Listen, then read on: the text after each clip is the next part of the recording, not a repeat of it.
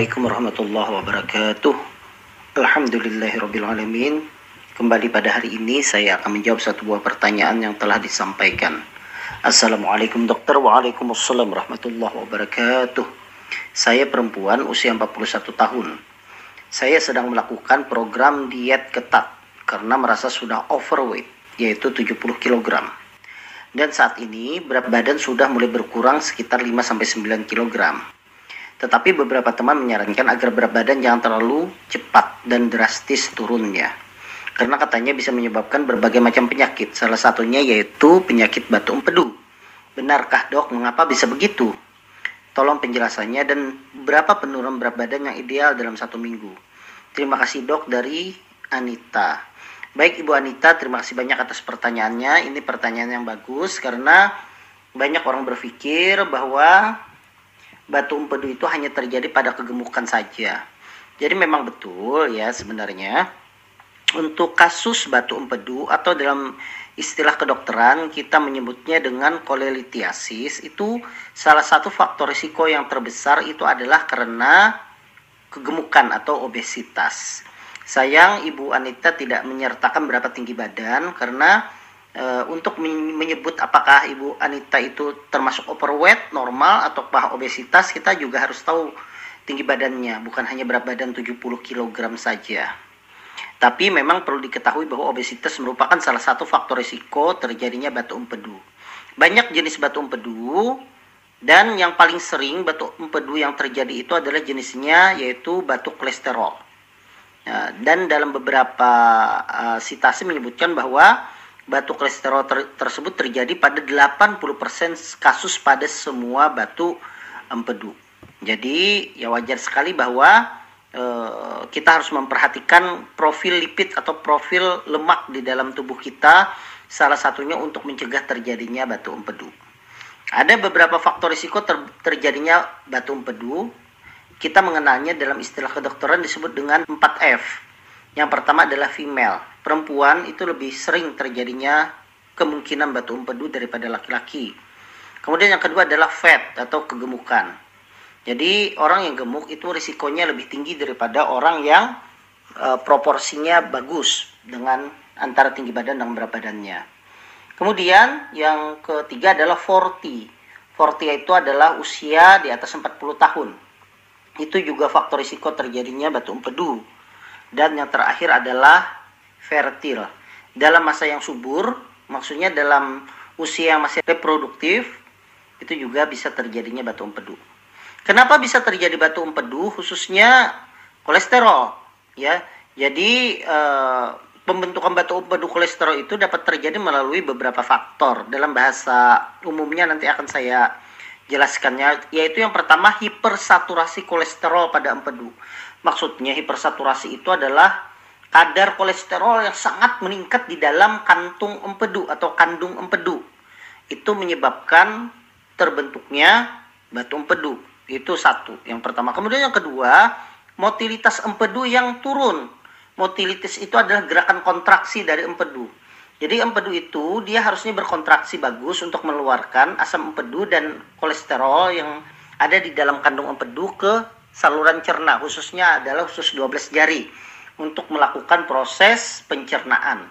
Nah, kadang kontraksinya terganggu sehingga selain hipersaturasi tadi e, cairan empedunya tidak banyak keluar karena kontraksinya tidak bagus sehingga risiko juga terjadinya batu empedu. Kemudian yang selanjutnya adalah defek nukleasi. Itu artinya adalah e, pembentukan inti batu empedu itu yang terganggu sehingga menyebabkan terbentuknya batu empedu.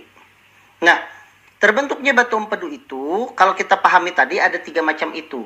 Sekarang pertanyaannya adalah, kenapa dengan penurunan berat badan yang sangat cepat, itu bisa menyebabkan terjadinya batu empedu. Nah, ini yang sering menjadi pertanyaan. Beberapa diet untuk menurunkan berat badan banyak jenisnya.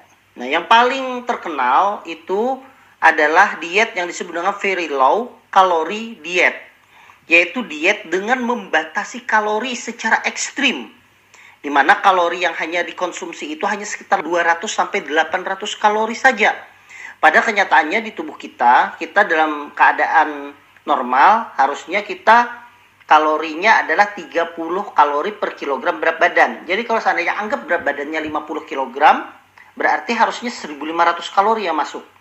Apalagi kalau berat badannya seperti Ibu Anita misalnya 70, berarti 70 dikali 30, 70 dikali 30 berarti 2100 kalori. Nah, kalau very low kalori diet itu dia hanya membatasi kalori 200 sampai 800 kalori.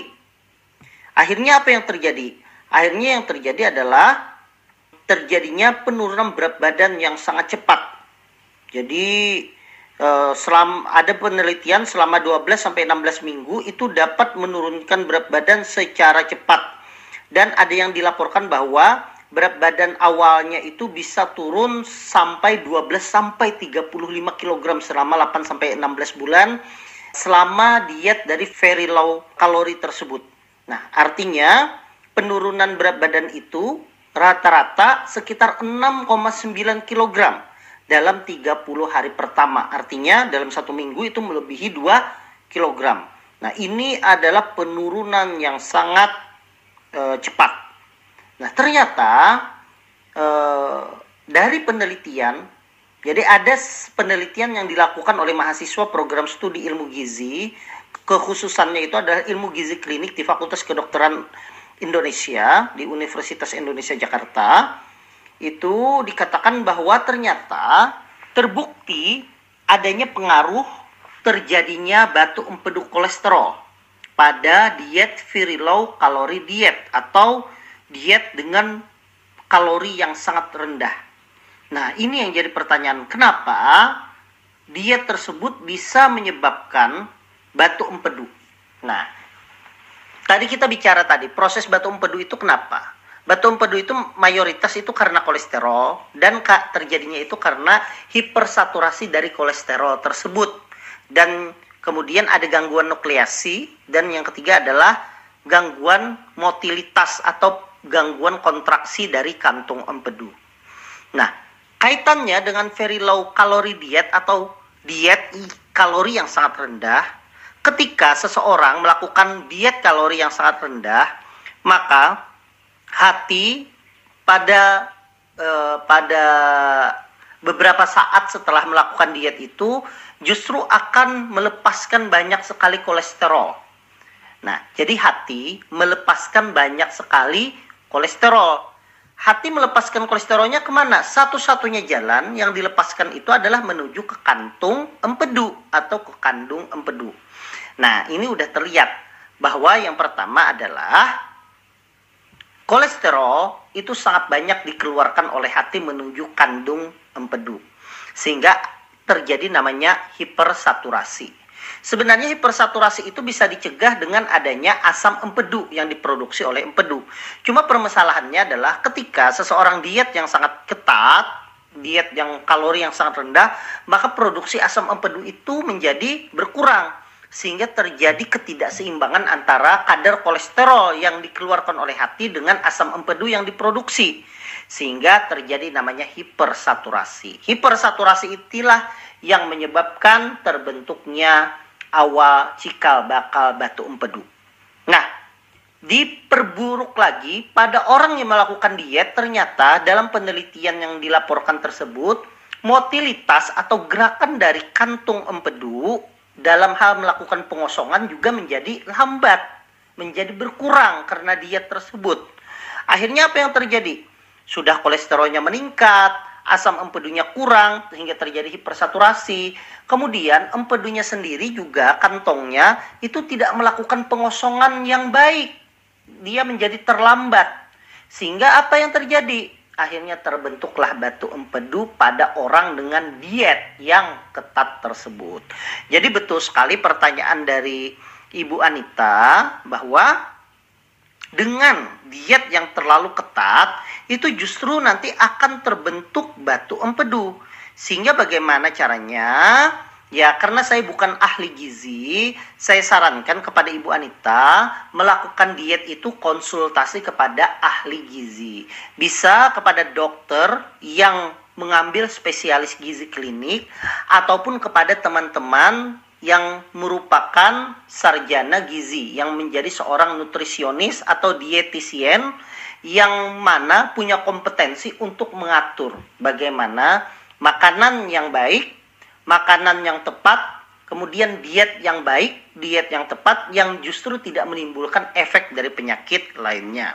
Menurut saya eh, dalam menurunkan berat badan yang ideal dalam satu minggu ya tergantung bagaimana aktivitas ibu Anita, apakah ibu Anita aktivitasnya sangat padat atau aktivitasnya itu di rumah saja karena itu akan berpengaruh nantinya dalam menentukan kalori yang dimakan kemudian target penurunan berat badannya tersebut. Jadi itu saja mungkin yang bisa saya jelaskan. Semoga ini bermanfaat untuk Ibu Anita.